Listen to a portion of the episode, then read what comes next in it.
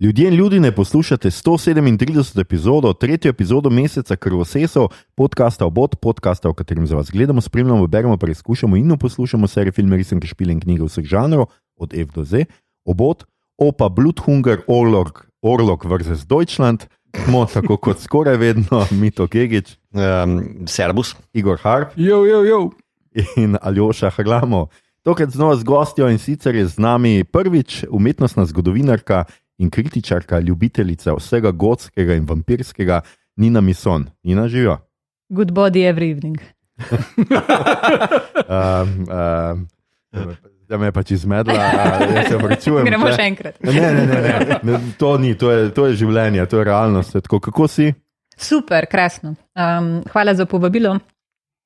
No? Emo, let's Eh, talk vampires. Tako, eh, ne računamo na te, da nam nekaj poveš. Ne vem, kaj naj rečem. Uh, današnja epizoda je, kot smo napovedali, tretja epizoda meseca Krosesov, meseca posvečenega knjigam, serijam in filmom o vampirjih.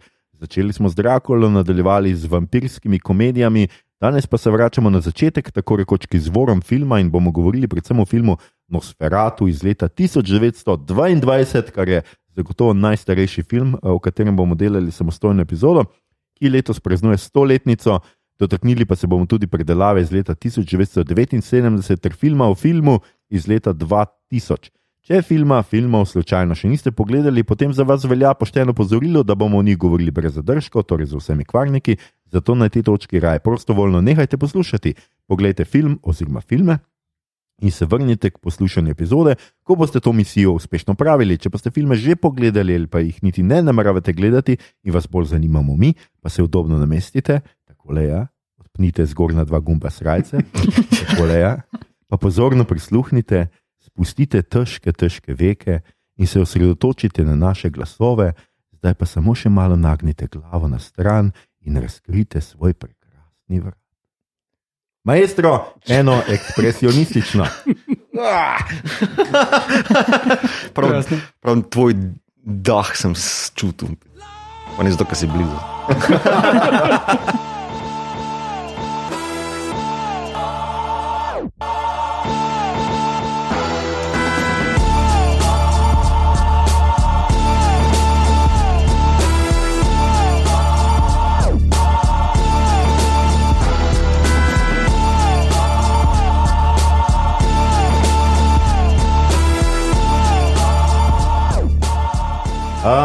evo, tukaj smo, uh, nadaljujemo z vampirji, danes je z nami Nina. Uh, Nina, koliko krat si pogledala, ti imaš tako, uh, povej nam nekaj o svoji ljubezni, no, do vampirjev in do Drakula in do tega, kdaj se je to začelo. Začelo se je leta uh, 97, imela sem pet let. Mm, Ja, ja, ja, okay, okay. Um, torej, oče je velik fan Mel Brooksa. Um, in k moji osnovni filmski izobrazbi so seveda pisali možje v pajkicah in pa Drakula. a ne. Um, in ne vem zakaj, ampak meni je tista Drakula pač pa, pa je izjemno obupen film. Trapa do konca, um, ampak meni je že tista uvodna špica z tistimi skeri. Uh, slikami, ki sem jih itak mogla gledati skozi prste, ampak mene je tisto totalno potegnilo. Um, in sem začela, ko sem bila dosta stara, no, da sem začela sama zbirati stvari. Um, v bistvu padla v neko obsesijo z vampirji, ki traja še do danes. No, in ne kaže, da, da se bo končala. To se je pol počasi razvil v, v neko fazo na en rajs. Um, Mhm. Drakula je pa pač klasika, nosferatu tudi. Gledaj, zdaj tole novo serijo intervju z vampirji. Ne še si jo šparam, um, ker namreč s fantom tega ne bom mogla gledati, ker um, pač veva, da je lots of uh, homosexual uh, spicy action in on tega ne more gledati. Tako da čakam na trenutek, da bom sama doma. Da si boš to lahko privoščila. Tako je, tako S kozarcem vina, kakšna svečka dišeča. in Tako. Ja, ja. Lepo, lepo, super načrti. Tako bom tudi jaz, po mojem, povedal. Um, super. Um, Zdaj le, danes smo torej delamo uh, Nosferatu, ja, to je seveda nemški film Nosferatu, ajne Symphony des Grauens. Je, A smo ga tako? ne moreš nemško drugače, sorry, jaz Lahko, znam- ja, jaz sem Symphonides znam- Grounds. Ja, čisto lepo To tako. Ja. Jaz sem velik proponent tega, Ne, da se Ti avstrijsko nemščino. zveniš, ali už? Ja, ja, tako bolj gruz gotar. Vsi Nemci globoko v sebi zveni avstrijsko. um, skratka, Nosferatu simfonija groze, je to seveda slovenščini. Če filma še niste gledali, pa nas zdaj le poslušate, ali pa bi ga si ogledali še enkrat, pa že zdaj vabim 27. decembra v Cankarjevem domu v sodelovanju s Slovensko kinoteko in z novo partituro Andreja Goričarja. Upam, da sem prav primek naglasil, gospod Andreja. Skratka, pejte gledat, uh, mislim, da karte še niso razprodane, tako da če imate takrat čas, uh, pojdite pogledat, ker to je seveda muska v živo.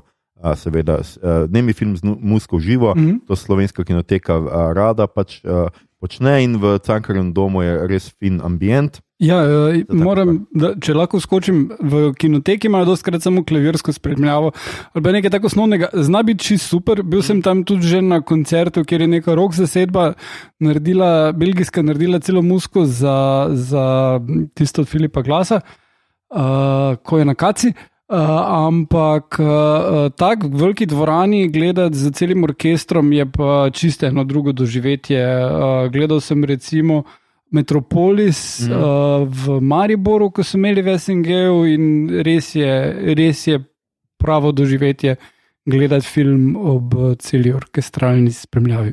Mhm. Tako je. Uh, ali pa gledate film Orkester. Uh, Nemi film, nemški ekspresionistični film, kaj je to ekspresionizem, več v nadaljevanju, grozljivka in beštika, oziroma vampirijada, seveda. Uh, zdaj le, da če malo pogledamo ustvarjalce, tako kot pa navadi, režiser je F.W. Murnau, uh, producent, scenarist in režiser, na njega so veliko vplivali Schopenhauer, Nietzsche, Shakespeare in Ibsen. Bil tudi prijatelj z zelo inovativnim gledališkim režiserjem Marksom Reinhardtom, ki je veliko snimal tudi ekspresionistične in um, naturalistične drame. Uh, kdo sicer ne obvlada tega v naturalizmu, se je seveda drama začela malo poigravati s formo. Uh, med prvo svetovno vojno je bil Murnau uh, vojak na vzhodni fronti, najprej pešak, potem letalec, uh, mislim, da je upravljal unostrojnico na, na, na letalu, preživel je več nesreč, brez večjih poškodb. Poleg Nosferatu pa sta njegovi najbolj znani deli pred, pred, pred odhodom v Ameriko, Poslednji smeh ter GTO Faust, 24 oziroma 26. Leta 26 je na to emigriral v Hollywood, ker so oblast v Nemčiji seveda prevzeli eni zlobni ljudje in se pridružil Fox, Studio Fox, kjer je posnel tri filme Sunrise, Four Devils in City Girl in leta 31, potem ko eh, mislim, da malo pred premiero svojega zadnjega dokumentarca, umrl za posledicami prometne nesreče. Od 21 filmov, ki jih je Murnau režiral, pa jih je 8 povsem zgubljenih, od enega filma je ostal le en kolut, celoti je torej ohranjenih le 12 njegovih a, filmov. Hm. A, drugač pa to se seveda zelo pogosto zgodi z, z temi prvimi filmi in snemalci teh posebej. A, Nemih pa posebej se veste, tudi s kopijami imajo zelo pogosto, nekajšna zgine, pa kakšna nova se pojavi, pa potem odkrijejo. Se mislim, da tisto, kar si ti govoril, mm. ta Metropolis je bil neka nova kopija. Ne? Uh, ja, ja, Metropolis je bil nova kopija, kar je ful bizarna štorija. Uh, odkrili so ga pa v Buenos Airesu, ki je bila ena daljša verzija od vseh, ki so jih imeli. In mm. sicer je Buenos Aires imel takrat v 20-ih, mislim, prav spomnim z cifre, prek 200 kinematografov, mm. dvoran kar še za dan danes mi zdi dosto za eno toliko ja. mesto. In uh, pol pač so imeli nekatere svoje arhive, in včasih kak film se ni vrnil, pa vojna, pa karkoli. In v teh arhivih se dosta najde tudi za Nosferatu, recimo, vem, da so v vzhodni Nemčiji najdli mm. eno div, tako daljšo, najdaljšo verzijo, kar trenutno je. Mm. Uh, scenarij je pa napisal Hen Henrik Galen, Galin, uh, delal je že na uh, študentu iz Prage iz 13 in na Golemu, in kako je prišel na ta svet iz 1920. Ta dva filma ne omenjamo, pa ne potrebno, ker sta oba spadata v ekspresionistični nemški film. Uh, glasba Hansa Erdmana, uh, izvirna glasba za ta film, je pa razen nekega drobca, mislim, neke sonate ali ne vem kaj, pa tudi posem zgubljena. Uh, predloga filmu je zelo prosto postokerju, bomo rekli, ker se je izkazalo, seveda, da uh, vdova, ne, kdo ni hotel prodati ja. avtorskih pravic. Ja. Ja. In potem so. Mislim, ni se niti jih potrudil kupiti, morda najprej. No, dobro, ni hotela prodati. Ostanemo pri tem, jaz verjamem ljudem, ki ki delajo z avtorskimi pravicami. Potrudili so se, niso javljali na telefon uh, ali na pismo ali karkoli že. Telegram. Na Ja. telegram, ja. na dimne signale. Uh, in skratka, potem so morali seveda okrog tega iti tako, da igralci so Max Šrek, igra grofa Orloka, to je pa zdaj neka reinterpretacija Drakule, Gustav von Wagenheim je Thomas Hutter, uh, Greta Schroeder je Ellen Hutter, to sta skratka zakonca, in potem imamo še Aleksandra Granaha kot no, Noka, ki pa je od vseh teh gledalcev še najbolj nekih uh, zanimivih filmov, ima tako uh, kariero. Ninočko je posnel v 39 mm -hmm. zelo znan film, skratka potem, ko je seveda emigriral v ZDA. Uh, zelo zanimivo pa, da je v ZDA takrat igral tako uh, zelo zaprisežene nacije kot antifašiste. Bil je namreč uh, inšpektor gestapa Alois Gruber v Hangman Also Die, uh, Frica Langa. Mm. Uh, to bi bilo v tem filmu vse, mogoče uh, boš ti, Igor, uspel uh, obnovo narediti ali nino, prosim. No, Ne, Igor, ja, prosim. Uh, sej, ko, kot je rekel Aljoša, prosto po Stokerju, uh, glede na to, da smo dve epizodi nazaj imeli Drakulo, tukaj je dosti podobna zgodba, torej iz Transilvanijski. Uh, grof Velika razlika je, ker, Ja. ker gre za Nemca in ne ja, za hoče v Nemčiji kupiti Tako. posestvo. In, uh, uh, in tja pošljajo enega, ki mu je ime Huter na mesto Harper. Harper. Harper. In, in potem se dosti podobne stvari zgodijo, samo da se zaključi vse skupaj v Nemčiji, nima še tega, da bi še enkrat nazaj šopali. Zato, ker že prvi del traja bistveno dlje. Že mm. njegovo potovanje tja mm. traja celo večnost, ker to tam je tako, pa je tam, ne, mm. v Drakuli.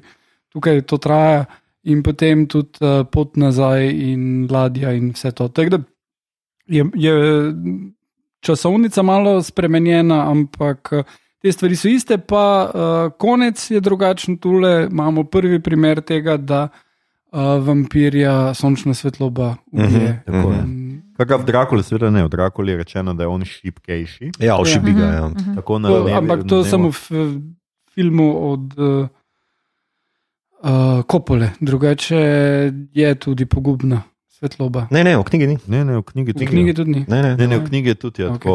je pravi, detajl, zaradi ki sem tega ga v knjigi je pač tako, da je šipkejši podnevi. Ni da je, pač zato ker spi domnevam, da pač, pač malo bolj počiva in tako rabi obnoviti. Uh, Bela krv. Ne, Ja, v bistvu. Bram Stoker je kar šteko, da je to precej handicap, ne? tako da je tu uh, on dober za količu. Um, Mislim, da te- tudi v folklori ne najdeš tega motiva, mm. vsej ne tako izrazito kot kov, no, da bi svetloba zdaj prav Mm. cmarla vampirja. Mhm, Je, mhm. ja, mislim, da je to neka pop kultura, kasneje pač dodala, pa tudi tako. Fajn je pač to videti na platno, no? oziroma mm. Uh, tak efekt je. No? Del Toro v svojih knjigah in kasneje uh, seriji uh, ful na tem zgradi, kjer potem je v bistvu stvar, da uh, povzročijo jedrsko nesrečo oziroma apokalipso, da nastane radioaktivno oblak. Mhm. In uh, se na tak način rešijo Mhm. Mhm. vampirji te nadležne svetlobe. Kar ok, taki mordor za telebane. Ja, ja, ja. V, točno v tem smislu je. Um, Ja, ker to je predvsej, za druge filme je to ful pomenilo, ne, ker so potem ponudili točno ta aspekt, da vampir pa ja, ga Ja. najebe, če pride na Blade, sončno svetlobo. Ja. A, nikoli pa ne razložijo, v bistvu, kako, kako z mesečino to gre skupaj. ker Pač, Ja. ja, mesečina je vseeno odbita sončna svetloba. tako Da, nje, Da o Twilightu ne govorimo, zakaj mm -hmm. se Mhm. oni fucking ne svetijo, kot novoletna jelka podneva. Ne? ja. Uh, ja, tam zato, ker pol živijo v kraju, kjer uh, ne vem, Je ful 300, oblačno. ja. 300 dni dežuje. A ja, točno, ja, Seattle. A demet. Ne, Forks, Washington. A Ja, no, what, pač, ja, okay, ja. Ja. tam, tam, kjer je depra doma. Eh, Ja, skratka, našli so mogoče tu en dodatek, seveda pri Nosferatu. Ne smemo pozabiti, da je zraven zelo pomemben igralec Kuga. Ne? Skratka, v- vampir, eh, ta grof Orlok, sabo prinaša tudi Kugo. Kamorkoli gremo, Kuga sledi podgane, mu očitno sledijo ali kaj ne vem. Ni, ni čisto ja, na jasno pojasnjeno, kaj je ta Ja, zveza. ne, se, mislim, pač podgane Kuga. so na ladje, ne? Mm. tako da če jih on okuži, podgane so bile glavni prenašalec mm. kuge, tako ali tako. Ja, pa tu on nikogar ne naredi za vampirja, to je tudi uh -huh. treba povedati, oziroma nasploh v filmu ne vidimo. Vidimo samo en napad vampirja, pravzaprav vse ostalo je ali odrezano, uh -huh. samo nakazano, šele pač napad na ženo tega Hutldorfa, ali kaj smo že rekli. Hutter. Huter. Huterja, ja, Ja, razen v-. Hercogovi, Hercogovi verziji, ne? tam Mhm. pa Harper potem na koncu postane vampir. Ne? Tako da to je twist, ampak to je drug film. Ampak vampiri in kuga je pa nekaj absolutno zakoreninjenega v, v verskem verovanju, tako da um, me ne bi presenetilo, če je, če tukaj to izvirano. Mhm. Mhm. Um, je ena fantastična knjiga, je Vampires, Burial and Death iz leta 81, kjer se je, en, mislim, da je kaliforniški profesor antropologije, se je lotil preiskovanja predvsem balkanskih legend, ki se navezujejo mm. na vampirizem. Um, in je bilo eden od pokazateljev, da je pač mogoče vampir v vas je ravno to, da je bila kuga ali pa kakšna druga epidemija. Ne. Mhm. Aha, Tle, okej. tle mal mogoče za, zamenjavanje vzroka pa posledice. ne. Zato, Mhm. Ker pač ni, ni, da so potem ljudje umirali zato, ker je bila bolezen, ampak zato, ker je bil vampir in je umrl in je on pol to začel širiti. Ne, v bistvu. Mhm, Za neka personifikacija bolezni ali pa smrti. a ne. Ja, ja, ja. Mhm. Ampak ali zdaj, torej 2022, lahko pričakujemo, da je full vampirjev naokrog, ko smo po pandemiji? Ali... Tan, tan, tan. Mogoče, mogoče. Ne, na zadnje je zdaj so spet popularni ratali, ne? dobivamo Ja. serije spet Mhm. po, o vampirjih. Tako da, glej, uh, nikoli, nikoli ne veš. Ne? Um, ja, ampak zdaj, če smo mogoče tako. Uh, Naša gostja je namreč diplomirala, ne boste verjeli, iz nemškega ekspresionizma, oziroma iz povezave uh, dogodka v mestu Gogi, če sem prav Mhm, razumel, in mhm. nemškega ekspresionizma. Tako da bomo zdaj jo izkoristili za en šnel kurs. Kaj je to nemški vem ekspresionizem? da nimam dosti dobrih zapiskov zdaj za to. A, Ja, to diplomirala aha. nekaj časa nazaj že vseeno, ne. ampak ok. Um, Dajmo sam ekspresionistični film, zato ker to imam zapisan tle. Ja, ja, dajmo. Sej, sej se da iz tega vsega, um, seveda, ekstrapolirati. Torej, uh, ekspresionistični film, to sem si zdaj zapomnila, ker sem prej pol ure nazaj uh, čitala svojo diplomsko ponovno. Um, zelo kratkega veka. Uh, začne se nekje, mislim, da prav leta 1920 s filmi, kot so Golem, ki smo ga danes že omenjali. Uh -huh. In se v bistvu zaključi leta 27 z Metropolisom. Tako da, da kratek, ampak uh, udaren pojav. Um, povezan z, literarnim, pa, z literarnimi gibanji, slikarskim gibanjem. To, če mi to kaj več povedal? Lahko, ja. Um, ampak ja, nekako glavna poanta, no, ki povezuje večino teh uh, ekspresionističnih filmov, je to, da je glavni subjekt nek tak. iz- Izgubljena duša v um, ne v skladju s svojim okoljem. No. In tle se mi zdi, da to, to je glavna, um, glavni element, ki dela Nosferatu je za tipičen ekspresionističen film. a Ne, pač ta nek.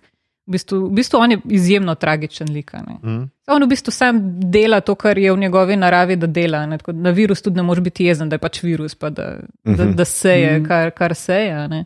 In on se znajde um, pač v okolju, v katerem ne more več prosperirati, ker je tam že vse v ruševinah in mrtvo, a ne? in se pač presel potem na, na neko drugo lokacijo, pa, kjer bo spet širil a ne, svoj, svoj vpliv v obliki kuge. Mhm, mhm. Zdravo nemško družbo. Tako, ja. Um, ja, če smo pri nemški družbi, prva svetovna vojna se povezuje zelo z ekspresionističnim filmom. Mhm. Um, bojda, ker niso zmagali ne, v prvi svetovni vojni in uh, buhuhu. Gremo na sferatu, ja, bo sneta nekaj, ne vem, kaj bi bil tle zaključek. Ja, načeloma uh, mislim, da je to nekakšna teorija, se je to v teoriji, seveda, ampak ekspresionizem je najbolj vzniknil v deželah poražencev. ja. Mhm. Tako je nekako. Je pa, Ja, je pa tudi ne, ključen vpliv za Batmana, ja, je, ki sej, ni poraženec. Samo to mislim, ekspresionizem je politik navdihnil marsikaj, ne. film Noir Ja. ja. pa grozljivka sta najbolj be, uh, dobila od Jaz samo mislim, da sta, če smem tukaj, Ja. ja. Batman je, a nista avtorja iz, iz eh, emigrirala iz Nemčije ali neka taka fora. Um, ne, bila sta juda, sem mislil, da je bila druga generacija. ampak ja. Aha, ok. Mm, mislim, da so že bili druga generacija. Nekaj tudi ta kuga v filmu, ki se pojavlja meni, v bistvu zelo odzvanja na neko, mislim, da kao, tako na pol simbolično komentiranje nemške družbe, ne, torej uh, koliko ljudi je ne vem, po vojni umrlo, kakšen manjko je, kak je v bistvu mesta bila polnih trupel, oziroma cele vasi, ki so bile pogošene, da tako se mi zdi, da je tu nekako noter to bilo zastavljeno. No. Jaz sem vse tako razumel, to branje. Ne. Mm. Um, drugače pa vizualni aspekt ekspresionizma, ne, ki se v bistvu v filmu predvsem najbolj pojavlja, so pa predvsem takšni ostri koti, uh, na 11 našopani kontrasti med svetlo. Svetlimi področji, pa temnimi področji, senčnimi ali pa osvetljenimi, kakorkoli želiš. In vse ima v bistvu zelo takšen nestanoviten značaj. Ne? Mislim, malo ti je slabo, uh, ko gledaš, ker nič ni ravno, vse je poševno, diagonale prevladujejo. In to je nekaj, kar se ekspresionistični film zelo za slikarstvom pogovarja, mm. kjer pa zraven tega v bistvu uporabljajo pa res močne kričeče barve. Um, kompozicije, ki se vlečejo od ne, levega spodnjega roba do zgornjega. Ne. To je v bistvu takrat bilo precej nezaslišano. Ne. Ima korenine sicer že prej v Noe Vilde, pa um, Blaue Reiter, uh, in tako naprej, in v bistvu se gradi na teh, um, kako bi temu rekel. Uh, na zaznavi narave, ampak skozi posameznika, ki nekako ne najde svojo stanovitnost v svetu ali pa je v klešu z modernizmom in najde tukaj ta neko slabost ali pa nelagodje in ga izraža v platno. Naprimer, da bi bil to. Uh, jaz imam tu eno vprašanje. Uh, pri tem nemškem ekspresionizmu, uh, nosferato je v barvah. Ne? Ne vem, če mhm. smo povdarili, ali je to bilo značilno ali je bil izjema. Ker barven film delati je pomenilo takrat pač barvati vsak uh, frame, kar je izjemno zamuden postopek. Ne? In uh, ne vem, je bilo to pogosto ali je bil ta istopajoč primer. Jaz bi mi to nominirala za to vprašanje, kot vizualni strokovnjak. O, zdaj ne vem, koliko primerov tega v filmu je. Vem, da Melje se je že s tem ukvarjal, dosti, ja, ja, dosti že predtem. Ja. Uh, mislim, da tukaj v Nosferatu so predvsem skušali uh, ponazoriti, da je to tema, da je to noč. Mm. Da, ker pač film in kamere niso bile sposobne po noči snemati mm. uh, in so vse delali po dnevi, tako da imaš ta koncept uh, day, Night for Day uh, shooting in so dali preko filter, ne, tako da tukaj je že en štart. Seveda pa doda, naprimer, ono kader v naladi, tiste v bistvu mm. očitno, da je po dnevi posneto, ampak modri filter bi ti naj potem nekako ja, ja, ja. dajal vedeti, da je to ja, noč, ne, da je tema. Um, Medtem ko pa ta druge, neke mogoče malo bolj surrealistične scene, noter zeleni odtenki, pa kakšne stvari pa rumeni, pa stop motion dodatki, vse te tehnike, ki so bile uporabljene, se mi pa zdi, da so bile prej v službi groze, pa hororja, pa žanrskega mm. narativa in tako naprej. Tako da tu se je v bistvu Murno poslužil prav lepega arzenala nekih tehnik, ki so dodajale uh, v bistvu rojstvu žanra. No? Yeah. Ja. Mm.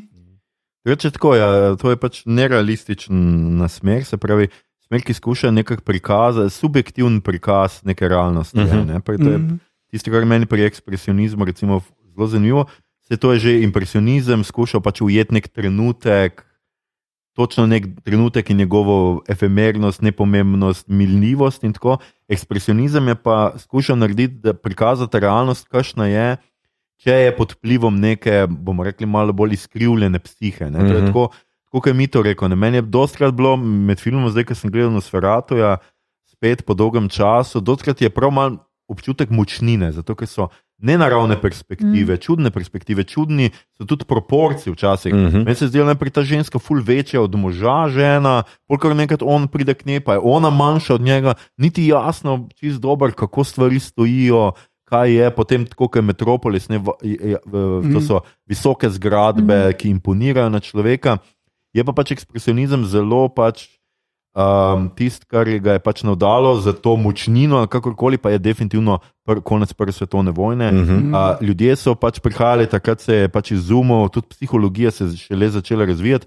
In je bilo dosti teh, ne vem, kako imamo mi slovenščini ta izraz, pa ta shell shock. Uh -huh. Pravi ljudi, ki so bili. Ja, ta PTSD, tako je. Ja, ki so bili pod tem plivom, zaradi tega, ker se je seveda vojna v nekaj letih popolnoma spremenila, postala je množično ubijalska, predvsej bolj kot kadarkoli, in seveda uporabe plina, uporabe strojnih orožij, mhm. uporabe letal, prva uporaba mhm. letal v vojni, to je seveda ljudi popolnoma ja, napsihiralo, vrglo jim je neke bolane perspektive, ogromno je bilo duševnih bolezni, eh, velik porast tega in iz tega nekako naj bi pač. Ekspresionizem. Ne? Se pri nas imamo Slavka Gruma kot najbolj znanega, tudi eksperimenti z drogami, so seveda nekako spadajo vmes v ekspresionizem. Um, jaz sem pa hotel tole na tej točki, seveda, tudi uh, prebrati eno kratko kitico iz uh, Srečka Kosovela, iz njegove, ene iz njegove ekspresionistične pesmi. Morda, morda boste uganili, zakaj. Ah, iz oblaka večernega, zadnjega sla, ki oznanja Evropi še luč, lije kri v moje trudno srce, joj, in vode ni več v Evropi, in mi ljudje pijemo kri, kri iz večernih sladkih oblakov, vse ekstaza, ekstaza smrti. Skratka, um, Oh, wow, to kako si to lepo. A, bravo. Mravljince. ja, um, Ko si omenil, ko se vela, smislu, da bo sledilo sonček, božja tačica. si, si mislil, ampak si se zmotil. Uh, skratka, ja, pač pri nas je Kosovo tisti, ki je najbolj to ekspresionistično fazo, zraven Gruma, mislim, da v Slovenijo, slovenski, v slovensko književnost nekako uh, upeljal. Uh, hotel sem še čak eno reči. Ja, marsikdo je pa zanimivo v ekspresionizmu kasneje opažal tudi. Um, Uh, posebej pa tudi v Nosferatuju so že videli neko kolektivno nezavedno in priprave na drugo svetovno vojno. Mm -hmm. ne, češ, um, ne smemo pač pozabiti omeniti, ne, da sem Murnau do, dosta učitelj, uh, da so seveda liki grofa Orloka, predvsem pa tega njegovega uh, Reinfielda, ki ni Reinfield, ampak smo rekli, da mu je ime kako že. Um, Utr? Ne. Ja, knop, Aha, ja. Knok, ja, ja, ja. da sta seveda to karikaturi žida. Ne, mm. Nosferatu, ko s tem značilnim dolgim nosom in tako naprej, plešavostjo oziroma vi- visokim čelom. Uh, ampak ne vem, nekateri trdijo, da seveda Murnau je bil gej uh, v teh časih, definitivno je tako emigriral, ko, ko je nastopila, pač, uh, ko so naciji nastopili na oblast. Tako da je vprašanje, vsaj zavedno, gotovo tega ni. Lahko pa je seveda kot umetnik opazil neke nezavedne tendence v kolektivnem nezavednem, ne na zadnje to naj bi umetnost počela in je pač iz tega vidika. Ne? Ker zgodba seveda je, zdaj tukaj pa imamo tujec, tuj element prinese kugo v Nemčijo. Hkrati ga v Nemčijo povabi uh, mešetar za zemljišči, ki je znova tujec. Ne? Skratka, mm. imamo to neko to, mm. uh, pod, podton tega, ne? Uh, ki je, mislim, da zelo, zelo- prepoznaven. Ampak v končni fazi to je horor, ne? vedno je horor, Ja. nek tujek. ki Ampak je pa tukaj noter. razlika glede na roman in na druge verzije v tem, da je Drakula kot aristokrat Ja. vedno predstavljen. Mm -hmm. Tukaj pa zgleda kot skvoter v tistem gradu. Tako da, uh, mislim, da ta aristokratski del pri Nosferatu zelo črtaš, mm Mhm. -hmm. in potem takoj dobiš asociacijo, da je on tisti drugi, ki je nekaj manj, namesto drugi, ki bi naj bil nekaj več. Ne? Ja, ja, imaš prav, tu je mogoče bolj ta asociacija. Ni, Ja, jaz- tega. Meni, meni je bolj, bolj pošasten, tak, kot neka sila narave, medtem ko pač ja, v romanu je, kot si rekel, aristokratski neka elita, kot ne vem, nek uh, vazal, ki te preko tlake recimo izčrpa, do, um, feudalski vazal. Um, okay. Nima veze. Uh, medtem ko tukaj pa deluje kot neka sila narave, ne? Ja, uh, ja. kot neki. mm, Še kugo ima zraven. Ja, Ja, ja, v bistvu tako kot. jezdec um, apokalipse. Ja, Nina je rekla virus, jaz, jaz že želim skoraj, da ne najdem slovenske besede, no čakaj, le fucking dyslektik budala. Um, uh, unavoidable, ne? torej, da je neizogibn, um, neizogibna sl- sila narave. ne. Ja. Uh, tako deluje tukaj. No? Um, to se mi zdi ena glavnih razlik. Do, roman, do romana. No, mogoče za koliko to na interpretacijo tega prav specifičnega aspekta vpliva, ne vem, uh, ima pa ja, originalen pristop do tega. No. Zdaj ne vemo, mogo tega to delati zaradi copyrighta ali kakorkoli, ampak Ampak ga nima v romanu Drakula nekih fulkosmatih dlani ali nekaj. a To je potem ima, ampak ima tudi uh, porno, sporno in inbreeding ali kaj je. Kako Ne to vem. razlagamo? Um, ja, to je zelo dobro vprašanje. Mislim, tu, uh, tukaj deluje isto pošasten.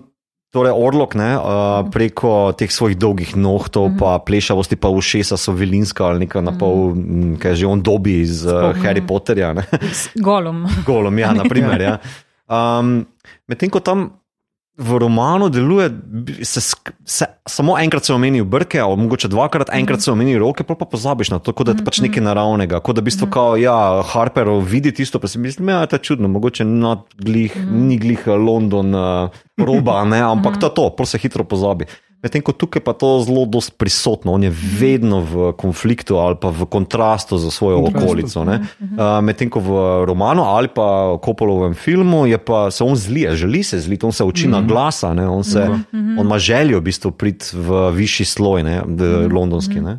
Ja, se ne nazadnje mislim, se to je logično. Vampir, če hoče loviti žrtve, ne sme stopati, ne mora mm -hmm. biti pač eden od množice, da lahko se ti približa nekako vampir, se ti vse ne more približati. Ja, ja ne imeti zadaha, pa se reče, Ja. ja. servus. Good luck, count Orlok, a ne to. ja, on, ja. ja. on ima dosti bo večji izziv, ja bi rekel. Mm. Ja, bolj, na, bolj za Tinder. No, je pa zaradi tega mogoče bolj uspešen. mora Tako, da mu bolj, bolj mu je treba občudovati, ga, da mu rata. No. Um, ja, tu noter je tudi mene pravzaprav zanima zdaj, ko čak, Nina, si ti zdaj ga spet pogledala na sferate, preden smo se lotili tega. Ne, nisem, dvojko sem pogledala. Ha, do, dvojko Prvič, ja. pogledala. Okay. Uh, veš, kaj me je zanimalo? No, koliko vas še prestraši en tak film, recimo nemški ekspresionizem, sto let stara grozljivka, koliko je to še komu grozljivo? Oziroma, mm. Recimo za tiste, ki zdaj niso gledali tega z nami, ali pa ki si mislijo, o fakt, ti ljudje se res pogovarjajo o sto let starem filmu, o nemem filmu. Mm -hmm. Mislim, kdo bo to gledal. Pa da recimo koga uspemo prepričati, da to vseeno pogleda. Koliko je ta film aktualen, bomo rekli, v, za to svojo grozo? Kako Mene zdi? prestraši, jaz mislim, da Hm? fantastično prikaže ambient, Mm -hmm. Mm -hmm. počasno stopnjevanje. Pa, kaj pa vem, mogoče mi smo tudi že tako prenasičeni z nekimi hollywoodskimi grozljivkami, ki pač že- veš, kdaj bo jump scare, pa pač pričakuješ. Mm -hmm. Se mi zdi, da mogoče te filmi, ki jih absolutno manj gledamo, no vse jaz, Hm? je, je drugače. No. Ja, fulm, dosti več je atmosfere, dosti Ja. ja. tega. Mislim, čist, to je še skoraj da pred Eisensteinom, pa teorijo montaže, pred mm. Griffithom, skoraj da to je čist izdelek zase, tako da v bistvu se ne moreš niti naslanjati na to. Ne? Uh, ampak v čem je pa, meni je predvsem unheimlich. No? Um, mm. Ne vem, če imamo dober prevod v slovenščino. Uh, za, ne, ni. Ne? Uh, skratka, tako tuje, da ti je grozno, ampak ni pa grozno v tem smislu, kot smo ga v, vajeni zdaj. Ne? Um, Ja, ne, se, mislim, da, da pač uh, um, problem je tudi v tem, če gledaš črno-belo verzijo. Barvna je toliko bolj groteskna, da, da potencira te stvari, ki si jih prej omenil, glede uh Mhm. -huh. ekspresionizma. To imaš te neravne kote in vse te stvari povzročajo tesnobo. Ko dodaš še ta layer barve na to, ker v črno-beli verziji se full vidi sence. Ne? In Mhm, veš, da če je mhm. noč, pač ne more biti toliko sence. Uh -huh. Medtem ko v barvni, barvna pa te resno pač premakne. In mislim, da zdaj, če gledaš to v redu kakovosti, uh, ne čista prvi YouTube, ki ga najdeš, uh, Ja. stream pa na, na vredu televiziji vredu vzdušje te lahko prestraši. Ne na enak način, kot te bo Mm, mm, prestrašil. Mm. Mm. Uh, ne vem, kako resno disturbing film, mm. uh, ampak vseeno Ej, izvedba ima ful um, mesto tukaj. Mislim, ta medijska prisotnost, kako je bilo to narejeno, sama obrt je ful uh, pomembna tukaj. Ker jaz našel pa eno YouTube verzijo, kjer so z uh, umetno inteligenco pobarvali. Ja. Uh, pa naredili uh, pač cel film, ga lahko najdeš na YouTubu, ga bom dal v zapiske tudi.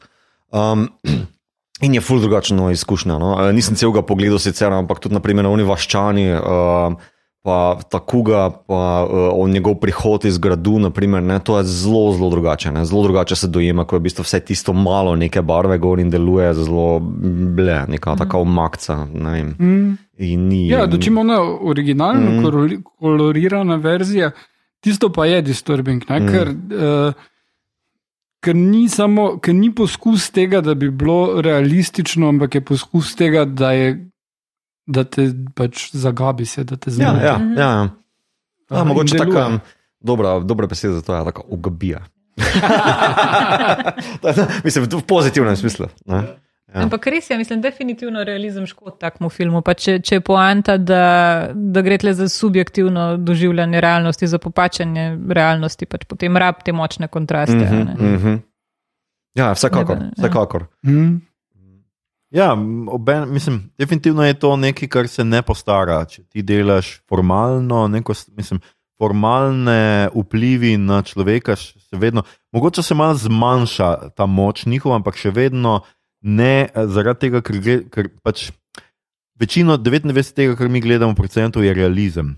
Kako hitro nekaj Mhm. krši realizem, ampak ne v zgodbi ali pa nekaj, ampak samim načinom, z obliko, mm -hmm. je Mhm. to nam disturbing. Tako da bo vedno, nam bo, ne vem, Joyceov Ulix, nam bo Mhm. vedno čuden. Zato, ker nikoli ne bomo, pi, se, se niso romani pol pisali po tako kot je modernizem pisal, se niso, to se ni prijelo, da bi to ostalo. Mm -hmm. Ostale so ene tehnike, ne pa ta, da bi pa ti zdaj imel cel roman v takem. Tako da to bo vedno ostalo, tako da jaz mislim, da z tega vidika definitivno je to film.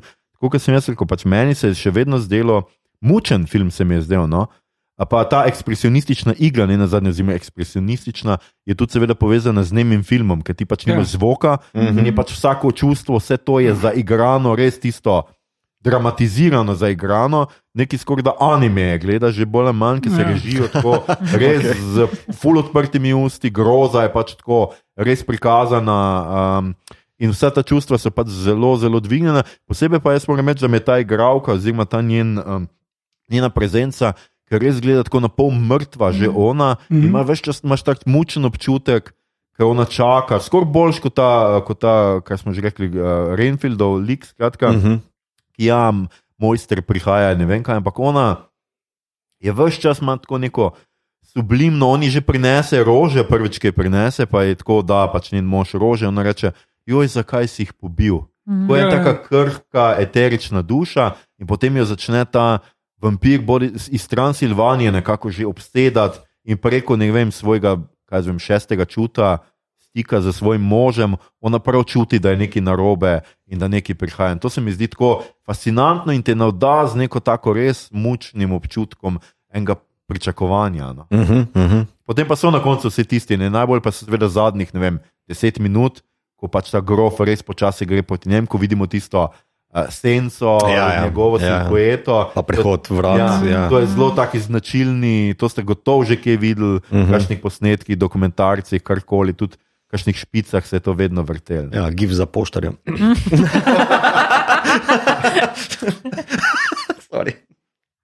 Prav mi to. Ja. Mislim, da smo uničili zdaj tak lep monolog. Ne, ne, ne, čist, čist vse, kar je rekel, podpišem, čist popolnoma vse. Drugač pa hotel sem še reči, da je tako zanimivo, mi je tudi seveda tole, to je po tem uvodnem filmu, ki, ga bomo danes, ki smo ga že zanj menili, pa ga bomo danes še več, Sence vampirja, uh -huh. uh, da je ta um, studio Prana film, ki je, bil, ki je pač posnel ta film, je bil ustanovljen leta 21, ustanovila pa sta ga Enrico Dickman in okultistični umetnik Albin Grau. Um, ki je uh, nameraval je studio namreč delati filme z okultističnimi in nadnaravnimi zgodbami oziroma temami, ampak Nosferatu je ostala njihova edina produkcija, ki so potem bankrotirali. Uh, kar je tako zelo ambiciozno za nekoga, ki bankrotira, po, ko naredi prvi film. Ampak, Ja. skratka, Grau je trdil, da je. Po mojem bi mogel odpustiti najprej vedeževalca. veš kaj. Mogoče pa res je, ampak Grau je trdil, da ga je ta film tudi osebno zelo zanimal, ker je on na fronti, očitno je bil nekje na južni fronti ali kaj. Uh, srečal nekega srpskega kmeta, ki mu je razlagal, da je njegov fotor vampir. Mhm. Da je on Ja. takrat nekaj slišal o tem in da je zato za- hotel narediti uh, ta film. Aha, ok. Valjda je bil srba, ne? Ja, It figures, halo. kao, ne, ne more biti drugače. veš. Um, ja, kjer je cajt je, veš, kao, da ustanoviš studio, mimo pa sem delal okultne stvari. Ektoplazma 1 do 12. Uh, no, se zdaj trenutno imaš tudi neko, eno par teh produkcijskih hiš, ki imajo podobno okultne stvari, uh, delajo pa krščanske filme. A ja, ja, ok. Ja. Heaven is real in podobno, ki pač uh, imaš, da ja, Jezus pa. V bistvu bi Pa, rabil. vsi so beli. No. V bistvu bi zopet, no zopet, v bistvu, v bistvu bi zopet rabili eno tako produkcijsko hišo, da pluralizem pa te fore, veš, kao, Ja, da, ja. da uravnotežimo. Pa Predvsem, da bankrotirajo. Ja. To bi Mislim, to znanje v kriptu me prav čudi, da se še niso tega spomnili. ja, ja. Ja, uh, mogoče eh, seveda je tudi zdaj, da povemo kaj o predelavi. Kdo je pa gledal skratka, od nas uh, film Wernera Herzoga iz leta 1979? ja not Ja. recently, ampak. Um, ja. Kaj je pa tam? Uh, tam je neki razlik, ne? se pravi, to ni samo shot by shot remake. Ne, imena so tudi uh, že iz Drakule polzeta. ne. Aha, skratka, tam so že popravili, tam so imeli pravice in so rekli, ok, Ja. bomo izkoristili. ja, malo je resetiral, ja. Hercog. Um, Ja, ker tam igra seveda Klaus Kin- Kinski, igra Drakulo, ne? Izabela Džani igra Lucy Harker, Bruno Gantz, Jonathana Harkerja, Roland Topor, Topor je pa Renfield. Tako da imena so pač definitivno z z Drakule. No. uh -huh. Meni se je zmer zdel tako ambientalen po svoje. Hm? Men pa romantičen. Ja, v bistvu romantičen na tak creepy way, hvala. Mhm. Mm -hmm. Nisem jaz edini goth. Um, ne, ampak najbolj skeri mi je pa to odsotnost glasbene spremljave. Mm -hmm. Mhm, mhm, To. mhm. In tisti tis počasen posnetek, ko je uh, Harker pri nosferatu in on leze počasi v njega. Ne. In je tako kot kamere, spet je nek, nek postran kot, ne malo mm Mhm. -hmm. diagonalo, in on rine vate, ne, in ni mhm. glasbe. In mislim, vsaki začnem tudi jaz tu kaučerinta. Mhm, mhm. Um, to, kaj, kaj, kaj pa vem, no, mogoče je res ja, romantičen. Mi- Hercog je v intervjujih zabeležen, v bistvu, da se je zgledoval po Kaspar David Friedrichu, po njegovem slikarstvu, nemškem romanticizmu, tako da nekako tu zasukal. Tudi, tudi na koncu uh, Harper, od, kot vampir zdaj, ne, torej nesmrten, od Jaha v veliko nemško, recimo temu, uh, planjavo, ne, proširnost, je zelo odzvanja tale nemški romanticizem. Ne. Ampak po se vsem dogaja v Nemčiji, čeprav menijo uh, imena, pa so angliži. Not seen recently. Ja. Um, jaz mislim, da se je. Ja. Jaz mislim, da se je, ampak le, uh, zihar me bo kdo popravil. Tako da uh, se, se, odpi, se odpiram korekturam tukaj. Uh, ampak ne, imena je popravil, če se ne motim. Um, se tudi v ameriški verziji Nosferata ne, um, so oni popravljali Murnau verzijo z. Uh, rom, um, so, mislim, da so neki popravljali. Le, to je toliko verzij, da se v bistvu malo zameša vse skupaj. Ampak Ja, ja, mislim, da so nekaj menjali uh, kraje, ampak še vedno so ohranili Nemčijo. Mislim, Ja, še vedno je Nemčija. Spremenila Hamburg. Vismar, Neko Vismar kanalsko- mesto je, kao, tudi spet je izmišljeno mesto, Aha, ampak. Vismar. Uh, in ja, Mim grede za tiste, ki ste uh, filmski popotniki. Uh, um, Vizmar ni izmišljeno, Igor, Uh, Vizmar je in Lübeck sta resnični mesti, po katerih je ta Vizborg narejen. Visborg. okej, Aha. ja. Narejen, skratka, tisti, ki bi si želeli kaj tudi pogledati, potovati, peti v Nemčijo. Mm. Vizmar in Lübeck. Mm. Ja, meni predvsem ta verzija zraven manjka glasbe, oziroma glasbene podlage, soundtracka, uh, še postane v spominu po tisti neki surrealistični srednji sceni, kjer se v bistvu on folk ukvarja s to kugo ali pa s Mhm. krstami. In tako je v bistvu tam je neka, kot neka sanska scena, surrealistična scena. Ne? In tu se mi zdi, da se v bistvu ta hercogov. Avtorski dotip dosti bolj pozna, naprimer, kot pa pač ostali, pri ostalih delih, ki pa so zvesti predlogi. ne. Mhm. Uh, tukaj pa ja, imaš uh, zopet ja, ta neki romanticizem, po katerem se je zgledoval. Vse jaz ga tako vidim. No? Tako da ima, ima kar močen njegov prstno tisno, gor ta film. Um, Zraven barve. Pa, vse tako. Pa spet ne v bistvu nastal v času neke krize. 79. Počasi, počasno. Ja, punk je prišel. Ja. Ne vem. Velika kriza je. Um, Ampak uh, ja, tam je kuga dosti bolj prisotna. Jaz se tudi, ko se jaz spomnim, je uh, veliko teh prizorov s temi podganami, velik je prizor tega umiranja. Ker v originalnem uh, pač izvirniku se meni zdi, meni je sicer to en najlepših prizorov, je točno to, ta oska ulica, ko nosijo druge gor. To se mi zdi tako res, res kripi. Mhm. Ker Tako so prav snemali tako z kota, z nekje z okna go, mm. dol in je tako res lep prizor. Zdaj pa se tudi spomnim, da je en tak skoraj dekadenten nek film, nek, a neki jejo zunaj, se mi zdi. Ja, ja, nekaj tisti večerjajo. Plesno rosti, Tako. Ja. boševsko. Ja, ja. Ja, ja, ja. O, boševsko, ja, imaš prav. Umetnostna zgodovinarka. Ne, tist, uh, vsi umiramo, ampak ne vem, gremo še zadnjič se ga napiti, mm. -hmm. pa malo zaplesati. Pa. uh -huh. Uh -huh. Tako kot mi med pandemijo, po mojem. no. Samo mi smo to prek Zuma delali, vseeno. Stara, no, pa če 21. stoletje, kaj smo. Ampak ja, ja, ja točno to je ena taka boševa, pač noro, sicer se to. To nekako ne bi bilo veljalo tudi za res čase kuge, ne? se ne na zadnje tudi pač ta dekameron, ne? Decameron, oni so ja. se zaprli noter, pripovedovali zgodbe in pač ekscesno pil in ne vem kaj. Ne? Tako da, pa je zdaj, mogoče smo res tega imeli premalo med zadnjo pandemijo. Ja, na mestu Alkiča smo mi imeli droži. Ja, pa na mestu. Pa ne vem, zgodb smo imeli podkaste. No. Ja, ja. ja. Da si podcaste izgubil vse goth points, sem to, da ti pa se A, z droži. ali kaj? Jaz jih nisem delal, jaz sem samo videl folk, pa sem bil, what the fuck je droži. Ampak, ko smo že tukaj, kaj je to gost? Ti si eh, resno se kvalificiraš, identificiraš kot gost. Recimo. Pa ne vem, zato ker scene neke ta prave ni pri nas. Ne. Ja. Ampak kaj to problem. pomeni scena? Kaj to pomeni? Kaj mora biti, da je scena? Ne, to je glasbena subkultura, je to tako, Ja. ja. ne vem, da si metalc, pa pač. Uh, Okay. Ja. Se pravi, poslušaš The Cure. ja. In Pa Sisters of Kim. Mercy. Ne, to. malo, malo se hecam. Ja. A, ok, to. Skratka, ampak um, kaj, pa, kaj pa še te kvalificira, da si vedno v črno oblečena? Zdaj, dve struji, to je zdaj čist. Aha, dve struji nova sta. epizoda. No, povej. pač ena je, ki zagovarja, da je to absolutno glasbena subkultura. Ne? Se Aha, pravi, poslušaš muska. Joy Division, Bauhaus, nima Tako. veze, kako si oblečen, kaj počneš Ja. čez dneve, pač to je to. Druga je pa, da moraš ustrezati uh, pač tudi vizualno, se pravi črnina, ne vem, piercingi, tatuji, Hm. bleda faca in tako Mhm. naprej. Kaj Jaz pa- mislim, da je to prekarno delo. ampak. Lej, vsak dan zvem kaj novega. za, no. za novo epizodo. ne. Ja. Moji prevajalci so ti gothi, zdaj ugotavljam. Kaj pa je? No, raznigorja, on je očitno pečo boj. Očitno. Uh, goth pa darker, v čem je razlika? Slovenščini. A Blage, kot slovenistka, pojma nimam. Ampak darker Mislim, je dar- legitimen prevod ali ne? A je, da je Edim pre- edi- prevod? ne, Edim mislim, prevod, ki ga iz glave vem, a ni. A je, dark, Gotičar. Gotičar. Mm. vizigot. Ja, ja, ja, ja. No?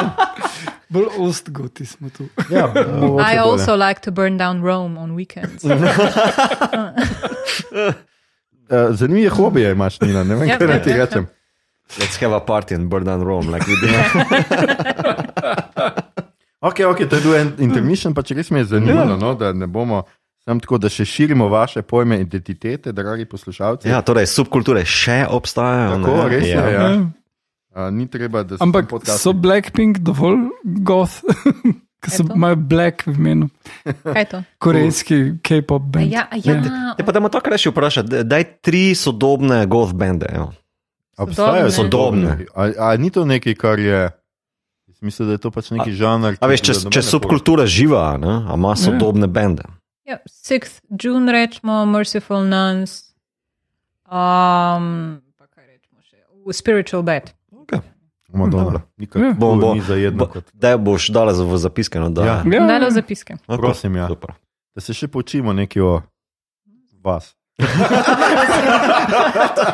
other, the The other, ja. ja, ampak je dejansko zanimiva ta povezava med vampirji in darkerji. No, no, pač itak, itak cela subkultura naj bi se razvila pol konc 70-ih, ja, punk na eni strani muzikalno, ampak uh -huh. uh, revival uh, teh starih horror filmov. ne. Uh -huh, uh -huh. In od tle naj bi prišel ta White Peller, zato ker so tisti ta prvi gotičarji um, hoteli to emulirati. ne. Ampak ni to Črno-bele tako- filme, črne oči, pa bela Ja. faca. Ampak ni to tako, da eni ljudje tako so pripričani, da so res vampirji, oziroma da vampirji res obstajajo in da je tudi to neka povezava. Mislim, da so ljudje, ki. To ni subkultura, to je mental illness. No, dej, bomo malo odprti, kaj pa če? Ne vem. lej. Um, Ja, mislim, sem, sem brala o tem. Ja. ja, ja. Vem, da so pač ljudje, ki so pripričani, da pa seveda obstajajo pač čisto resni ljudje, ki pač mislijo, da kri pomlaja, ne, če piješ kri. Oziroma, Ali pa Kristusova kri, da te odreši. Čisti resni ljudje Tako. v to verjamejo. čisto resni ja. ljudje to verjamejo. Ja. Nekateri pa verjamejo, da so podcasti popularni. kaj rečem. Ljudje imamo različne verjetja. Evo, ena epizoda, krščanstvo in vampirizem. Ja, ja, ja. To, nam je, to smo nekako spregledali. Ne, vse to smo že obdelali v Midnight Mass. Ja, Ja. Ja. A zgleda? Ja, poglej. Ne, ni Vampiri so. Ja, Ja. tisto je dobro. Mm. Kje smo zdaj? To, so, Malo smo se izgubili. to je bila tangenta. re- Torej, hercoga Ja, smo. tako hercog, ja. Mhm. Ja. Ampak se, amo, Ampak ne, Ja, mislim, kako znotraj to hercogovega širokega in, in uh, raznolikega opusa, kak se vam tale film zdi? Ja, v bistvu Je- zelo um, basic. Ja, ne. Ja. Ni, ni Za hercoga, to, mislim. za hercoga, ni Za hercoga, Fitzcarraldo. Uh, ja, Mislim, ali pa ne vem, milijon drugih, ki Ja. ja. so res insane. Uh, enega brez Klausa Kinskega.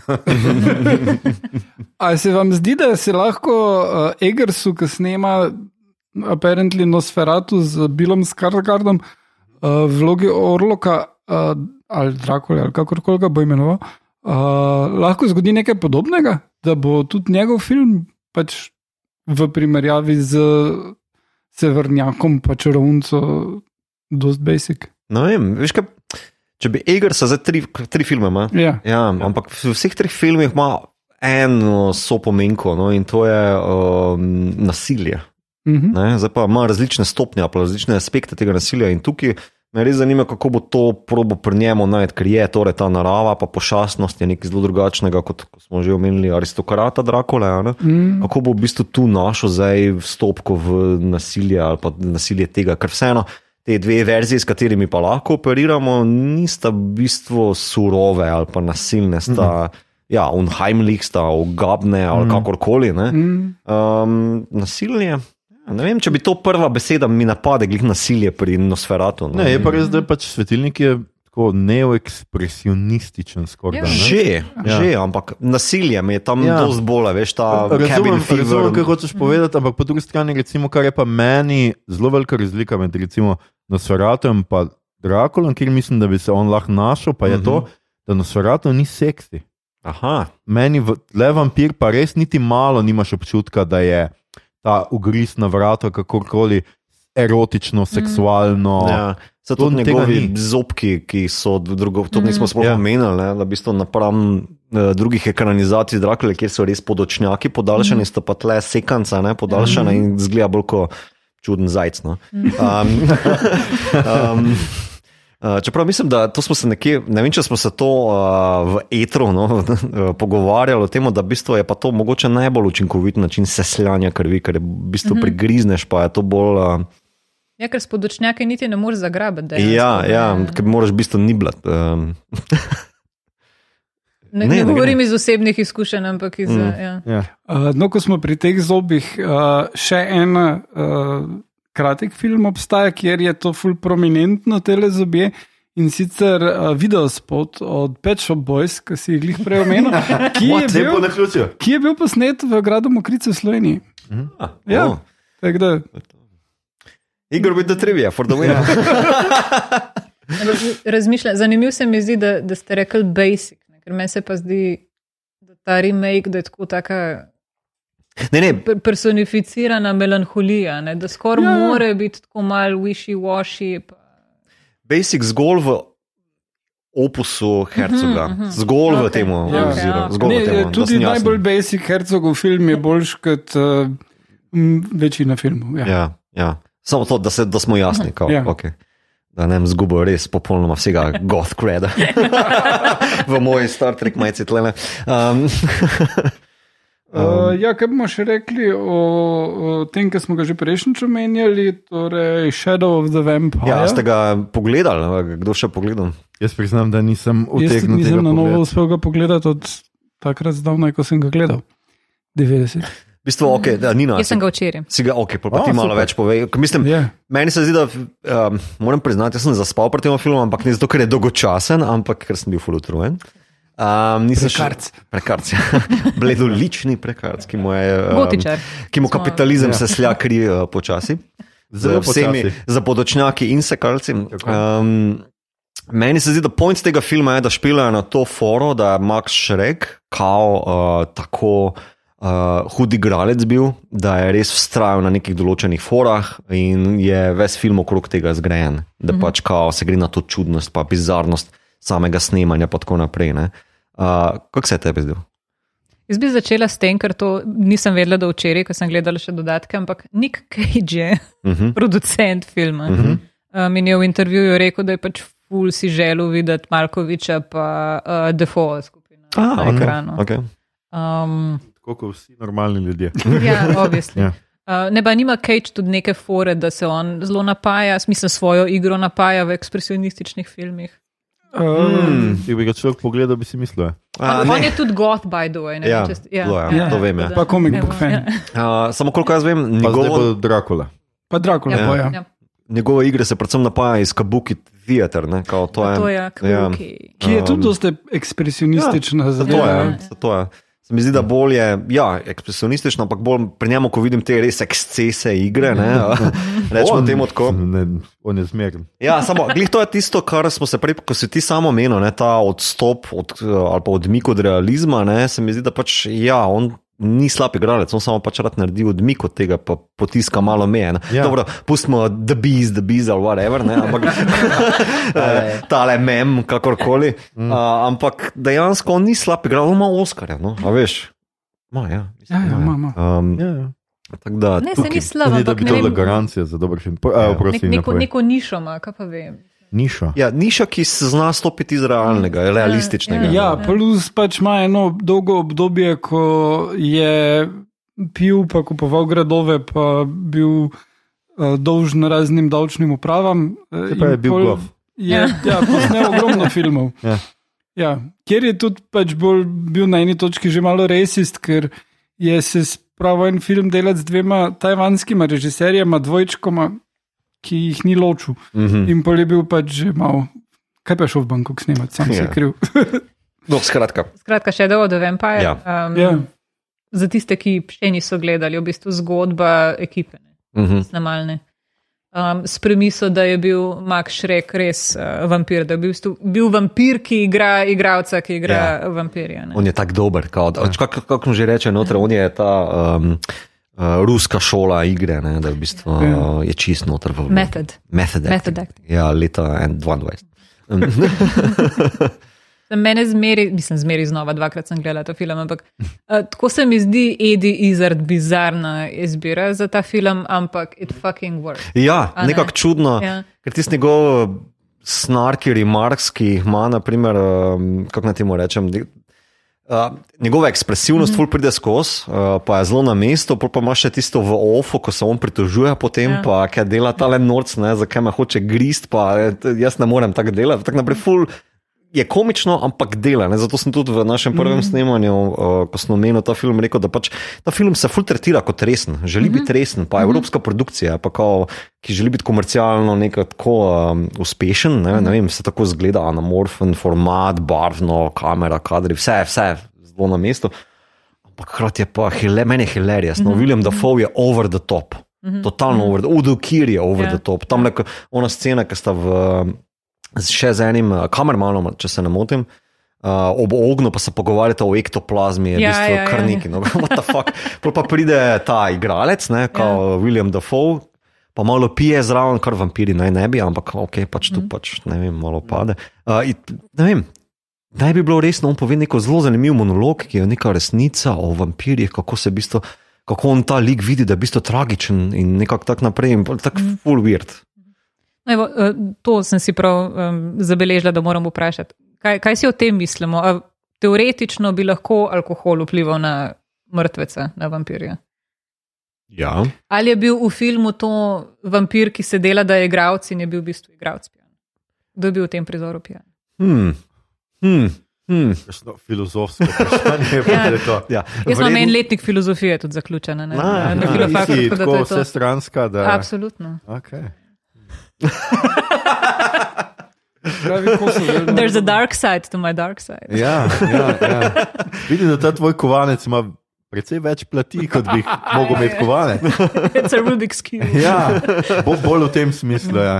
S tem, da jaz tega res ne znam sestaviti. Um,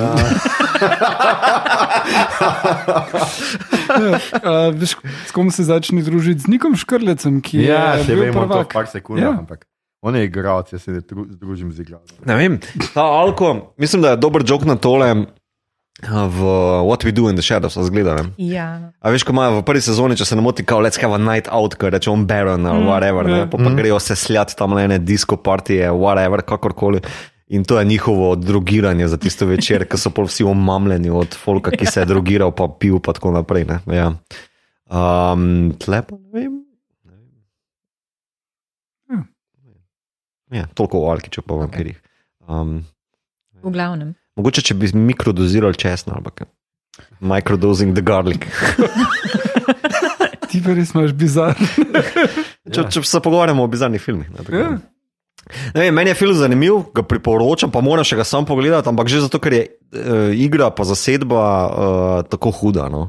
Um, Udo Kir, uh, Malkovič, Dafoe, uh, Eddie Izzard, uh, to so meni nori igralci že sami po sebi, pa jih zvržeš skupaj v takšen miks, kot je tlele. In so full hude, over the top uh, zadeve, ki so, ja, fajn za pogled, res priporočam. Pa tak, zdi se mi, da bi se pred našo temo, ko smo zdaj rekli, gremo mesec, ker bo vse so delati, ga sploh nisem poznal, jaz sem ga prvič zagledal. ne. Uh, tako da, ja, pa sem si izbil zopet, Goth Cred, nisem ok, thanks. Bomo gremo povedali. mogoče na, uh, kaj gledamo, berem špilom Nina. Kaj pa je tvoj najljubši, kaj so pa tvoje najljubše vampirske zadeve? Ker vem, da si tega očitno veliko pogledala. A si gledala recimo one serije, kaj so že bile, kaj tisti Blood neki? True, true Blood. A True Blood. True Blood. Do, mislim, se zdaj na tej točki ne vem, če se da še spoilati, ampak do tega, ko Suki pove, da je fairy. Ja, tam smo vsi meni- nehali gledati. Ja, okay, prav dosti ljudi poznamo, da mislim, da je tudi četrta sezona, prvi del pa je tak. Ja, na, gremo. Dajmo ustaviti to. Ja. Aha, ok. Skratka, uvedejo vilince ali kaj, oziroma Vile, vile. Vile. ne Ja. He's vilince. a fucking Kužiš. fairy. Ja. Ja, lej, Če, tu je citat iz serije. aha, Ja. I'm a fucking fairy. pa ni mišljeno kot, da je gej. Ne. Nope. Aha. Jaz več. Dobro, zdaj so se še vile. vile. Okay, očitno ti to ni bilo, a do, do tega točke pa ti je bilo ok. A je to serija neki, ki bi. Mislim, ok, jaz sem bila v srednji, po mojem, je to Mm. mm. vam prihajalo, to po mojem pač ni najstnice, ki ne bi tripale na čubla Ja. na eni točki. Ja, to je neke vrste Ampak- žajfnica z vampirji. Ja, ja, kaj? ja, tako, ja. tako. Ful hude žajfnice, tudi knjige so, ki so še bolj žajfnice. Vem, da je ena prijateljica čisto odpadla in pol mi je razlagala, da potem na eni točki Erik zgubi spomin in ona dva sta si usvojena in pač že ta, te fore. Erik, Erik Northman, ki ga igra Skarsgard. Ah, Prav ime mu je okej. Erik Northman in je Ja, vampir. le kako Ja. bi moralo drugače. Mm. Um, aha, ampak ti si vseeno pol tudi generacija, ki je odraščala s somrakom, recimo, čeprav domnevam, da ti ni Ja, ampak to somrak, jaz sem bila pa že tako kul, cool, da, Lepo, no, da, ja, da. ne, da, da sem protestirala. Aha. Tako da somrak v bistvu zdaj gledam v uh, A to spajt. Okay. 30-ih. Um, ja, v bistvu ironično. No. Uh -huh. Vse namenoma za nič. Ja, no. se mislim, da ga ne moreš drugače gledati. Kot... Ja. Tudi Ja. Robert Pattinson je rekel, da pač ni mogel verjeti, Ja. da je lahko tako slab film dela. Ne? Tako Da, um, No, kjer bi bil, dober, pa da ga ne poznamo. naprimer. da ga ne poznamo. Vampirski film, ne tvoj. Uh, Ganja in Hes mogoče. What? Uh, mislim, da je 70-ih gre pa za. Navezuje se na, na črnsko raso, pa na njihovo vlogo v Ameriki. Pa. Mm. A to so Pa že bolj ta tako, Blackula, pa ampak- to neki Black so vampirji. Ne, ampak je, je zelo resen film. Aha. No. Pa vampirizem mislim, da je vidim bolj kot neka krvna bolezen, pa samo Hmm. med črnci. pa tako. Resen film, no zelo. Oh, wow. Um, Blackula je pa čist nekaj drugega. mm. Kot sem drug videl spekter. iz trailerja, his Dracula Soul Brother. Ja, ja.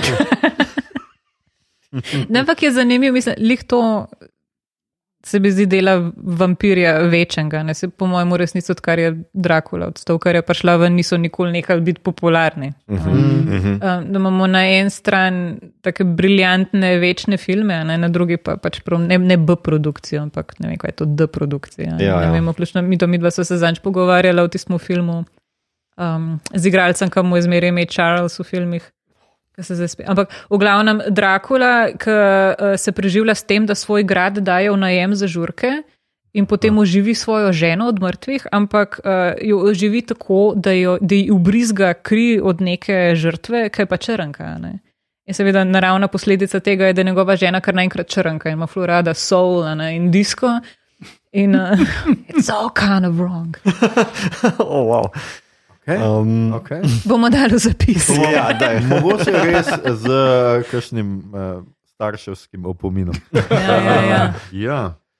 Pa Zanimive. filmi, kot so Dracula na vzgo, v zgornjem porenju, pa Dracula pa Irharce. Mhm. Um, pa nekaj, kar sem gledala včeraj prvič, no, uh, v bistvu nadaljevanje Nosferatu. Ja. Mm. Tu priporočam na YouTubu cel. Um, Tle se pa zdaj razvija ta tema seksualnosti v Nosferatu. Ne smo se Aha, prej okay. pogovarjali, da pač je tako zelo Ja, ja, ni neki, odbijajoče. Ja. Ja. No, Nosferatu in Venice iz 80-ih Mm. mm. dobi blond drede, se preseli v Benetke in začne tam natepavati neke transilvanske princese. In hod po dnev. Ah, Ja. Skratka, Um, film ima zelo veliko povezave s prvim. Absolutno, Ja. ja. pa soundtrack od Vangelisa. Oh, wow. Jaz Na tem trenutku si Na- me pa kupil. Ja, tudi mene, to sem hotel reči. Peti okay. Bora, ne? Zdaj sem, uh, Pa I'm, Zdaj on, sem mislil, tega ne bomo rabo gledati. zdaj I'm, I'm on the gondola. Ja. Ja, ja. Pa Kinski je, ne? tako da Aha. Kinski so uspeli prepričati scenarijem.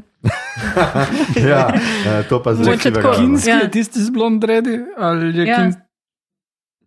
Moče so mu rekli, ne vem, you're gonna have sex with a hot chick, ne vem. Ah. Mm. Good enough for me! Ja. Nosferatu, vampiro Ja. della noče. Drugače, to, um, to je ena mini storija. Mi dva za Ljušo smo gledali Nosferatu, mislim, da prvič v Kolonkišti. Pa Smo imeli neko nagradno igro in je uh, bila nagradna igra, neko, neko knjižico je bila kao za nagradno igro, se ne vem, Nina Kožar je imela to. Se ne vem, kdo je, ena Nina je imela. No. Milošič, nekoliko. Hvala, hvala. Uh, je imela to preko, pa, pa mislim, da je rekla, okay, kako se je ta film, kako je bil naslov Nosferata v italijanščini. Ja, in je točno to bil, zato sem si ga zapomnil. Nosferatu, vampiro della noče. in je tako, seksi, samo naslov je seksi, drugi Ja, film ja, ni ja, seksi, ja. naslov pa je seksi. Ja, ja, to je to. Ja, ja. ja, ja. si ga predstavljaš. I, ma che bella. Mm. Se mogoče to. S tem, kako je Aljoša prej interpretiral nemški naslov. Ja, ja, ja. Ja, malo mal smo postajamo nacionalistični, stereotipni. Vidim tudi jaz, ja, zdaj. Ne, kako mogoče je pa res nekaj na tem. Nosferatu so mogli v Italijo pela, da je lahko seksal. Ja, A, Ja, vidiš, ja, to je ja. to, to je Ja, to. ja, da je ja, predomo ja. ta špageti. Evo, lahko noč, tako je se zaključilo. Ja, eno na high note. Prav imaš, mislim, da si si izbrala dobro točko. Nina. Ampak, Hvala za povabilo, lahko noč. ampak še preden greš, še preden se posloviš, bi te vseeno vprašali, kaj si gledala, brala, špilala in poslušala zadnje čase. Mm. Napisali si ene par stvari. Okay. Ok. Um, Apostel, Ja. Netflixova produkcija. Mhm. Um, mislim, da je zelo fajn instalacija v žanru folk horror. Um, Aha, okay. pač ja, v redu, pač lahko zagovarjaš, da, da gre pač spet za neko poznano premiso, ne? neki čudaki na otoku, pa zganjajo svoj kult, ampak um, tukaj imajo dejansko Boga, ne? Okay. ta twist. Um, potem My Best Friend's Exorcism. Um, Kako je to? sicer- Jaz imam ful v planu pogled, pa mi še ni izneslo. Sem pa prebral knjigo, ki mi Ja. je čist zakon. A Jaz Uh, knjige in- ne poznam. Aha, knjig um, ful Um, priporočam. Pa kak je pa aha. film? Pa Film se mi zdi, da mal špila zdaj na to, um, na 80. in na njihovo Ja, ja, popularnost, ja. ampak ni slabno. Um, pač nek tak film o odraščanju, I guess. Pa, zdaj ne vem, tako, zraven sem še blikala, pa uh, tla pomivala, ampak uh, se mi zdi, da je da je to. Uh, in, in, ta obsedenost hudičem, da je, da je tle, kaj pa vem, kot neka prispodoba za, ne vem, ali za prebujanje dekleta v, v žensko, kaj pa vem. But she makes ja. it with the help of her friends. Ja, ja. Ampak, ja, je to to. Pa še tam so oni mm, Jesus freaks, ki probajo, tisti so ful vrijo v knjigi. Seveda, se- ja, ker, ker dekleta z katoliške šole najglobje padejo. Pa- Ja, kdo visoko leta, nizko pa. Ja, ne. ja. Mm. Zmeraj. Mm. No, ampak kar se folk hororja tiče, no tudi Hellbender iz leta 21 se mi je zdel tako fantastičen. No. Mm? Um, mitna čarovnica, ampak na, na mal drugačen način. No. It involves heavy metal. Um, to pa um, Hellraiserja sem uspela pogledati za, za Halloween. Um, A Ta 22, več. Ja. Aha, je. ok. ne? Ne. Ha, Ne. ni bil to všeč. ne, ne. Kot, kot prvo, vizualno, ja, mislim, da so se potrudili, ampak čist preveč plastični so mi bili cenobiti. Pač. Mm. To, z- zato je meni špilal pri originalnih, ker so bili tako malo rough. a ne. Mhm, mhm. Tle mi je bilo pa skoraj preveč vse spozirano, čisto vsaka lukenca, pa kje, kje ima pinhead, saj se s tem zabavati. Teklo je Ne fulma vem, cajt, ja. po mojem. Misliš, da ne? Um, Tam je huda birokracija, Ne vem. tako, tega čaka vrsti. Totalno nekarizmatičen glaven lik, I'm sorry. Mhm. Uh, Kaj, kot ne pride ali kot blizu. oni glavni. Ne, junak? tista, tista punca, ja, skrožljena. Ne vem, ni, nimaš sočutja do nje, you don't care. Mhm. Um, pač ona je Je to zelo v izvirnem filmu, je precej annoying. Ja. Ampak tam se mi niso trudili toliko prodati njene backstory, se mi zdi, tukaj Ni. pa čist preveč časa porabimo za to, da je pač ona junkie, pa pač I don't care. Aha. Ja. Aha. Skratka, go to hell. Ja, ja. ja nekako tako. Zelo pomankanje empatije. no, da to je to, uh, z no, moje ja. strani.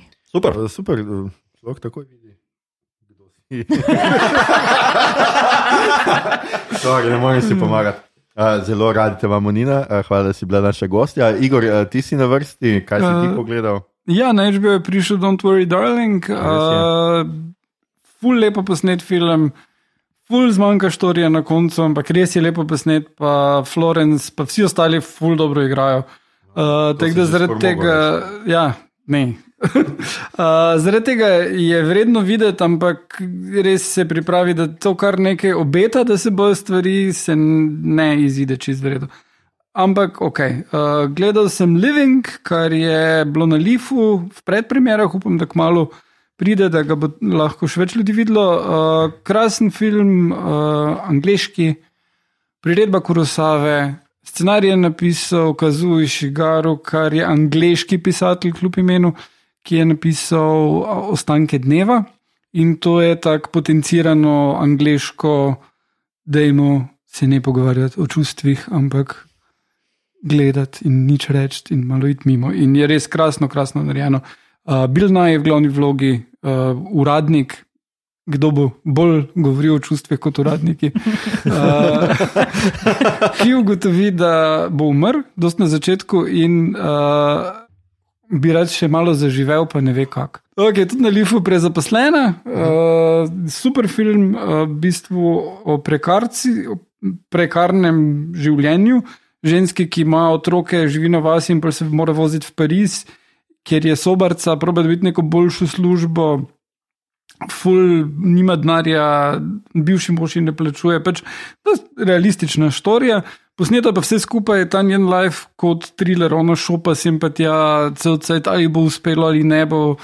Prav, res vrejo narejeno. Uh -huh. uh, in uh, prebral sem knjigo uh, Andersa Roslunda, naslov Bo sladko sanjaj. Zakaj si to bral? Izide prihodnje leto bom uh, prevajal. Torej, če že poznate Roslunda, to je tak prototipičen, klasičen skandinoar uh, zelo dark, uh, tale je še posebej dark, ker je fokus na pedofilskih ringih in, in ti zelo slabo postane vmes. Ampak uh, uh, Roslund se za razliko od nekaterih drugih skandi avtorjev ne naslaja na trpljenju in teh stvarih, ampak do zvredu te stvari spelje. Vseeno pa imaš zaradi te tematike na koncu en zelo tak, pač slabo ti je malo. No. Nekaj časa. Ja. Mito, ob čem je bilo tebi slabo? Ob Damerju. on, on sicer ni bil pedofil, ampak um, je pa papco, uh, tu pa tam je probo, koga. Njem, njem. Um, ja, pogledal sem Damerja, Netflixovo serijo, mislim, da naslov je dosti daljši, mislim, da The Monster, uh, The Life and Blood, nekaj yeah. Ja. od Damer, da se ne vem, v bistvu, če prav razumem, je to zdaj prvi iz prva instalacija neke serije, ki bo začrtala od Monster. Kaj pa nadaljevanje bo Damen Damen? Ne, ne. Mislim, da se bojo lotili več serijskih ostalih morilcev. Uh, visoko kvalitetna zadeva, ful priporočam, ni pa za vsakogar tole. Uh, tudi meni je testiralo to že ene meje. No? Um, razumem, folk, ki se zgraža na tem, ker je res, da v bistvu se serija mogoče konceptualno loti, da okay, idemo pogledati, kaj pa je njemu dogajalo. To je pač recimo ta producentsko vprašanje bilo in da bomo to posnet. In to vprašanje je bilo zelo kvalitetno zastavljeno, zelo tehnično zastavljeno, uh, izjemno dobro posneto, obrtniško igra, vse, skratka, vse je res tipi top, je ena ta boljših zadev letos. Uh, te pa testira v smislu, um, ja, ja, dokdaj, dokot zmore moja empatija, uh, koliko se lahko vživim v lik. Um, uh, tako. Um, mislim, da v tem je čar tega, no, je uspešna. No. Vem pa, da ni jih to za vsega. No, mm. uh, hvala, Biljon. Če poslušaš to, kar si mi. S tem smo imeli tako, uh, mislim, da smo maksimalno zdržali dva dela na večer, pa smo bila že pa tako, ok, fakt, to je, uh, jaz bi še rad mogoče kaj pojedel, no, nekaj, ne vem, nekaj. Veš, no, um, gledaj, se prepozno zvečer jesti ni zdravo. Zdaj, se strinjam, ja, če pa ja. želiš uh, gledati na svojo linijo, uh, ja, ja. priporočam Damerja. Ja. pa to je definitivno serija za ljudi, ki imajo radi ljudi. Mm. uh, tako da, ja, evo, to. Uh, jaz nisem uh, začel da pogledati noč, tako da uh, berem novega veščeca, ampak sem šele na 50 strani. Oh, tako, da, tako da vam bom o tem poročal, kdaj naslednjič, drugič upam. Da. Uh, ljudje in ljudje, ne boste verjeli, to je bila že naša 137. epizoda. Poslušali ste podcast, ki se oglaša na Mejobot, podcast za serijo filme, resnike špile in knjigo vseh žanrov od F do Z, ki ga gosti mreža Apparatus. Z vami smo bili Nina Rubikova, kocka Mison. Igor Skvoter Harp, mito fucking dyslektik budala, da je to mi. Aljoša ekstaza smrti, harlamo. Uh, tole epizodo smo posneli pri mitot. V Škofi Loki, ker kje druge bi snimali epizodo o nemškem ekspresionizmu. Uh, če vam je bilo všeč, kar ste danes slišali, delite všečkate naš podcast, naročite se na nan preko vaše najljubše aplikacije oziroma ponudnika podcastov, dajte nam kakšno ceno na Apple Podcast ali Spotify, spremljajte platformo aparatu z odličnim izborom podcastov za vsakega. In če se že nekaj dni ne morete uzreti v ogledalu ali drugih odsevajočih površinah, le brez strahu, to še ne pomeni nujno, da ste vampir oziroma vampirka, lahko samo že dolgo niste ogledali dnevne svetlobe, ker večere, večere seveda preživljate v temnih dvoranah ob ogledu letošnjega Lifa, pa niste za nikamor. Uh, po koncu festivala pojdite popoldne kaj na zrak, ob 16:25, eh, ko sonce prebije meglo, in 16:30, ko sonce zaide, se sprehodite vsaj do smetišnih kant in svet bo takoj lepši. Vi pa se boste nehali bati pogleda v gledalo.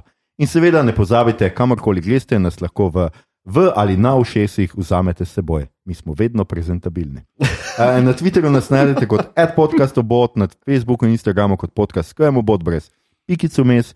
Sicer pa najdete vse pomembne povezave tudi v drevesu povezav, oziroma na LinkedIn, ki ga najdete na dnu objave. Vabimo vas tudi na naš Discord server, kjer lahko klepetamo o vsem, tekočih epizodah, o tem, kaj žanrskega konzumiramo ali bomo konzumirali, sprotnih kratkih recenzijah in še marsičem. Na državno mrežo še vedno tudi delimo rajcere, prikolce, novice sveta žanra in druge zanimivosti. In tja lahko smerite vse vprašanja, pripombe, komentarje, sporočila o tem, kateri znani igralec je vampir, predloge, kaj bi z vas pogledali naslednjič. Tole je bila že 137. epizoda, dragi oboževalci in oboževalke. Naslednja, četrta in predzadnja epizoda meseca Krvoseso naj bi bila posvečena filmu Intervju z vampirjem. Če bo res tako, priključite se. A, se slišimo čez teden dni. Hvala vam za vašo pozornost. Bye. Bye. A si ti tudi nižaš, je gost, točka.